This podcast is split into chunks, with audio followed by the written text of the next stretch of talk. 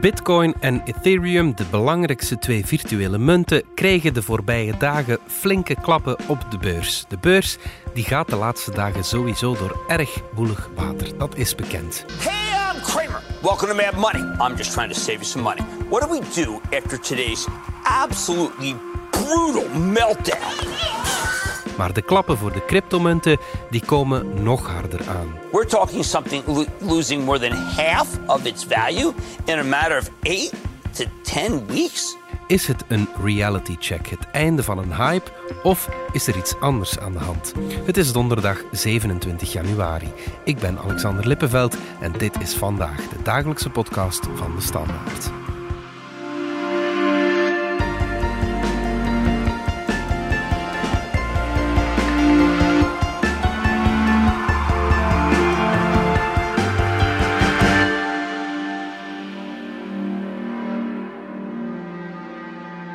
Pieter van Malen van onze economieredactie. Na de hype in cryptomunten vorig jaar is het ja, een hard ontwaken voor velen. Ja, Alexander, dat kan je zeker zeggen. eh. Mhm.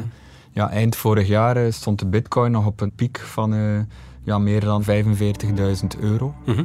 En vandaag, op het moment dat we dit opnemen, staat hij op 32.000 euro. Mhm. Ja. Dus eh, dat is een eh, enorme aderlating. Ja. Absoluut. ja, is dat ook voor de andere cryptomunten zo dan? Dat is eigenlijk voor zo goed als alle cryptomunten op dit moment aan de gang. En ja, het is eigenlijk algemeen. Hè. Het is eh, op, op dit moment een, een heel, gaan de beurzen door een heel moeilijk vaarwater. Mhm. Iedereen krijgt harde klappen en de cryptomunten worden ook niet gespaard. Ja, en wat is de reden? Het is zo dat vorig jaar een uitzonderlijk goed beursjaar was Mhm. en eh, dat heel veel eh, mensen mooie winsten hebben behaald op hun investeringen. Mhm. En eh, nu zie je dat, dat dit jaar ja, toch veel moeilijker lijkt te gaan worden. Hè. Je hebt om te beginnen die geopolitieke spanningen aan de grens tussen Rusland en Oekraïne. Mhm. Daarnaast heb je ook inflatiespook dat eigenlijk eh, over heel de wereld zich laat voelen. En je ziet dat de centrale banken overal geneigd zijn om renteverhogingen door Mhm. te voeren. Mhm. En ja, hogere rente, dat betekent dan natuurlijk dat investeringen zoals een, een spaarboekje interessanter worden. En dat maakt meteen de beurs minder interessant. Mhm. En je ziet dat mensen die vorig jaar heel mooie winsten hebben behaald op investeringen, dat nu eigenlijk zijn aan het omzetten in harde cash. Ja, Dus hun investeringen weghalen van de beurs en het in, in iets andere, veiligere... veiligere havens eh, aan het opzoeken zijn. Ja, oké. De beurzen krijgen rake klappen, maar de, bij de cryptomunten is het nog wel een pakje steviger. Waarom?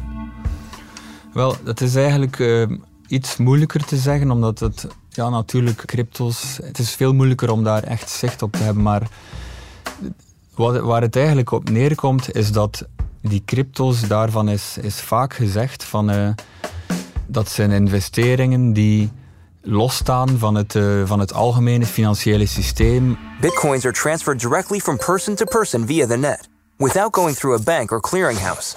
Weg van de bemoeienis van centrale banken en zo. Basically, no one is the boss of Bitcoin. Bitcoin's the baddie. That's all you need to know. Maar wat je nu eigenlijk ziet, is dat de crypto's toch ook in veel gevallen net zo speculatief blijken te zijn als andere speculatieve aandelen op de beurs. Mhm.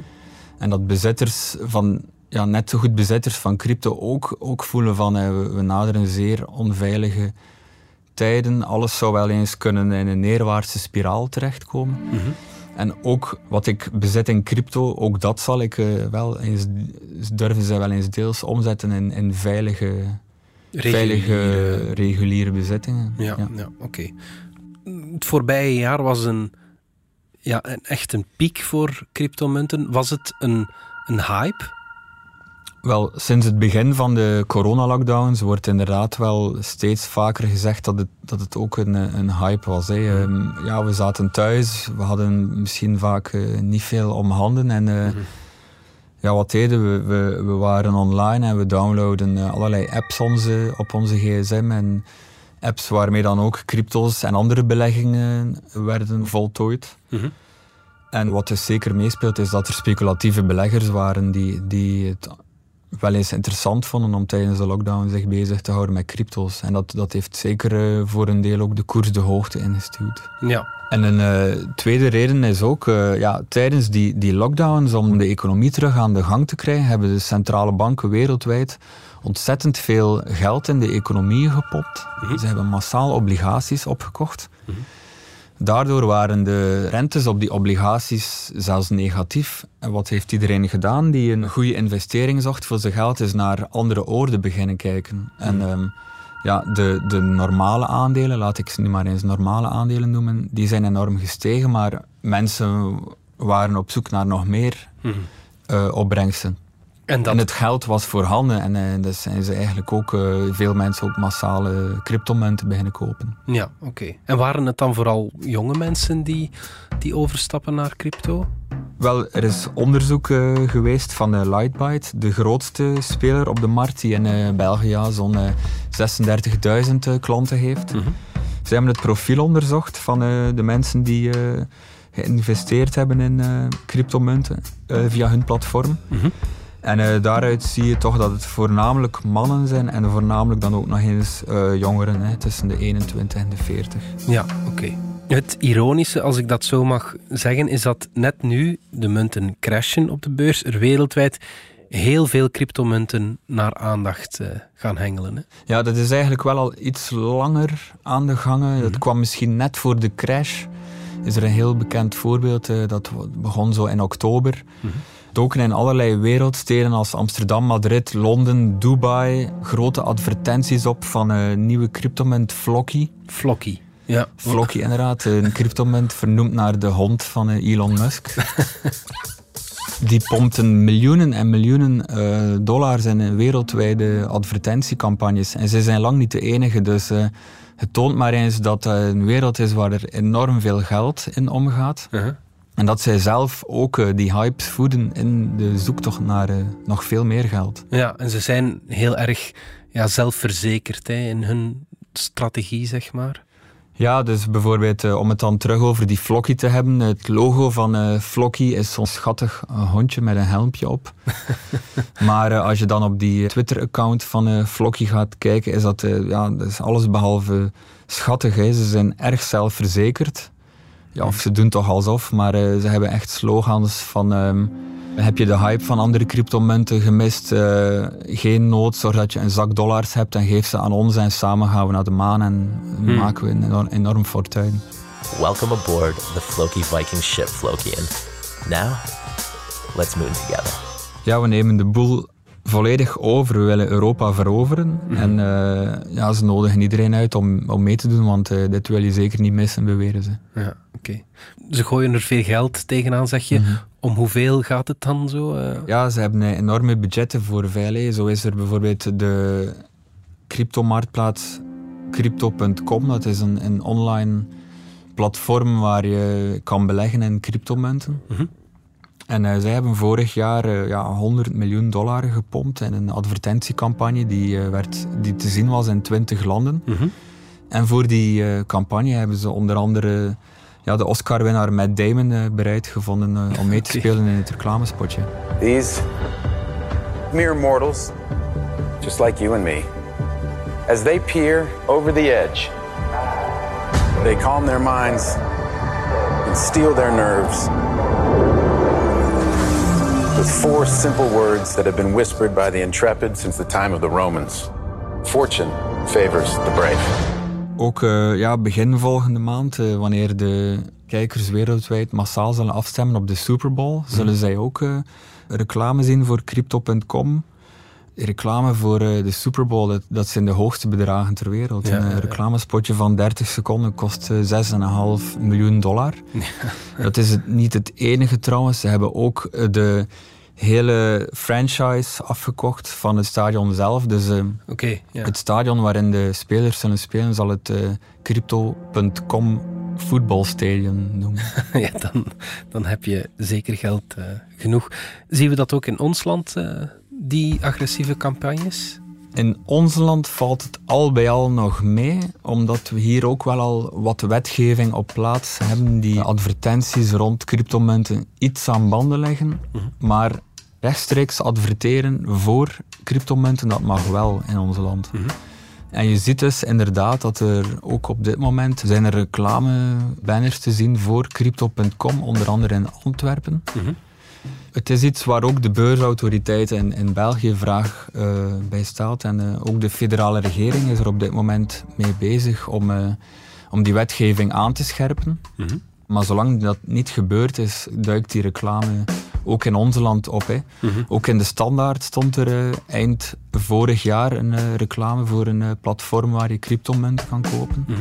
Ook voetbalclub Club Brugge, de landskampioen, die laat zich dit seizoen sponsoren. Ja. Door een eh, marktplaats waar je cryptomunten kan kopen. Dus ja, het is inderdaad wel iets dat steeds meer en meer mainstream is. We gaan er even uit voor wat reclame. En nee, het is niet voor cryptomunten. Je overweegt een elektrische of hybride wagen? Luister dan naar Plan Elektrisch Rijden, een podcast waarin actrice en Joe DJ Elke van Mello Ik ben weg. op onderzoek gaat. Hoe ver geraak ik eigenlijk met zo'n... Experts van Hedin Automotive, de grootste dealergroep van Mercedes-Benz in België, geven antwoorden op jouw maat. Er zijn heel wat manieren om als bestuurder continu jouw rijbereik te monitoren. Luister naar Plan Elektrisch Rijden. Oké, helder. Merci. Pieter, je vertelde daarnet dat onze regering die reclame voor cryptomunten in het oog houdt. Het houdt de rest van de wereld ook wel bezig, eh, veronderstel ik. Hè? Ja, inderdaad. Ook in eh, Singapore is vorige week besloten om eh, reclame voor crypto-advertenties aan banden te leggen. En dat is niet alles. In Singapore stonden op een aantal plekken in de stad ook eh, automaten waar je rechtstreeks eh, cryptos op kon kopen. En daar is eigenlijk gewoon eh, letterlijk de stekker van uitgetrokken. Ah ja, Die mogen daar niet meer staan. Ja. Ook in het Verenigd Koninkrijk is besloten om een paar adverteerders, waarvan wordt gezegd dat die eigenlijk investeerders een voor de ogen draaiden, aan banden te leggen. En wordt er gewerkt aan strengere wetgeving rond cryptomunten. Maar ook binnen de EU wordt er gedacht aan strengere regels. Eh, Spanje loopt daar een beetje voorop. De beurswaakhond van Spanje heeft vorige week beslist om ehm, ja, het adverteerders moeilijker te maken om te adverteren in eh, cryptomunten. Maar het zal zeker niet beperkt blijven tot Spanje, want eh, op vraag van Frankrijk buigt het Europees Parlement en de lidstaten zich eigenlijk over eh, wetgeving die voor eh, het hele landenblok zal moeten gelden. Ja, waar zijn ze dan bang voor, die, die regeringen, die beurswaakhonden? Wel, die cryptomunten die, die worden wel eens vergeleken met een, een piramidespel natuurlijk. Een piramidespel eh, ja, waarbij de eersten die erin stappen eh, mooie winsten eh, boeken en veel eh, geld terug zien vloeien uit hun investeringen. Maar waarbij natuurlijk de, hoe later je erin stapte, Hoe meer geld je nodig hebt. Hè? ja, hoe meer geld je nodig hebt om, om het nog te laten renderen. En eh, ja, hoe vaker je er bedrogen uitkomt. En die cryptomunten worden vaak ook zo gezien. Als jij de eerste bent die een bitcoin kocht en die, en die kocht voor, ik zal nu maar zeggen, 1 dollar en je kon die verkopen voor 1000 dollar, Ja. dan heb je een enorme winst geboekt. Maar eh, ja, de, de bitcoin die staat nu al vandaag terug op 32.000 euro. En het is maar de vraag of er, of er eh, morgen mensen zullen zijn die zullen willen kopen voor 34.000. Dus ja, de, de toekomstige opbrengsten halen, dat wordt steeds moeilijker. ja. En hoe zie je de toekomst van al die cryptomunten? Gaan we daar ooit echt mee betalen? Wel, dat blijft hoogst onzeker. Er, zijn wel een paar. eh, ja, er is wel een, een land, eh, El Salvador, dat eh, heeft ge- ja, gezegd van wij zullen nu de bitcoin hier aanvaarden als wettelijk betaalmiddel. Ja. Maar dat blijven toch ja, enorme uitzonderingen. De belofte van de bitcoin dat het ooit echt ja, een munt wordt waar je wereldwijd mee een, een brood kan afrekenen of in het café kan betalen, daar, daar staan we nog enorm ver van. Eh, die belofte ja, die wordt door de believers wel in stand gehouden. Want het systeem achter zo'n cryptomunt, dat, dat blijft wel interessant. Hè? Ja, absoluut. Eigenlijk moet je een- een bitcoin of een andere cryptomunt. Ja, dat is eigenlijk een, eh, een stukje software, een, een digitaal contract dat versleuteld zit in een digitaal register, de blockchain, en waar dus eigenlijk voor altijd is vastgelegd van wie dat versleuteld contract eigenlijk is. En dat, dat is op zich heel waardevolle software, mhm. heel waardevolle technologie, daar twijfelt niemand aan. Hè. Mhm. De vraag is alleen, kunnen we daar een waarde op plakken? Op welke manier doe je dat? Mhm. Ehm, en dan nog, ja, nog meer de vraag is of dat, dat ooit uh, wettige betaalmiddelen zullen zijn. Hè. Ehm, en de, de crash van de bitcoin breekt nu natuurlijk ook El Salvador zuur op. Hè. Het land dat vorig jaar als, als uh, eerst de digitale munt heeft ingevoerd als uh, wettig betaalmiddel. Mhm. Uh, ja, door de, door de crash van de bitcoin zitten zij nu natuurlijk ook met gebakken peren. Vorige week meldde de president van El Salvador nog trots dat hij 410 bitcoins had gekocht aan een koers van 36.585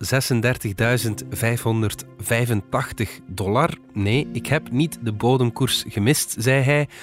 En toen zakte de bitcoin nog verder naar 35.000 dollar. De president van El Salvador reageerde daar wel al op door een filmpje te tweeten van de rellen van afgelopen weekend in uh, Brussel. okay. uh, waarin hij zei, hoezo zou het hier chaos zijn? Kijk naar wat er aan het gebeuren is aan de hoofdzetel van het Europees Parlement. Oké, okay. goed. Pieter van Maal, dankjewel. Graag gedaan. Dit was vandaag de dagelijkse podcast van de Standaard. Bedankt voor het luisteren. Ken je trouwens DS Podcast al, de podcast-app van de Standaard? Daar luister je niet alleen naar onze journalistieke reeksen, je krijgt ook elke week een eigenhandige selectie van de beste nieuwe podcasts op de markt. Alle credits van de podcast die je net hoorde vind je op standaard.be-podcast. Reageren kan via podcast.standaard.be. Morgen zijn we opnieuw.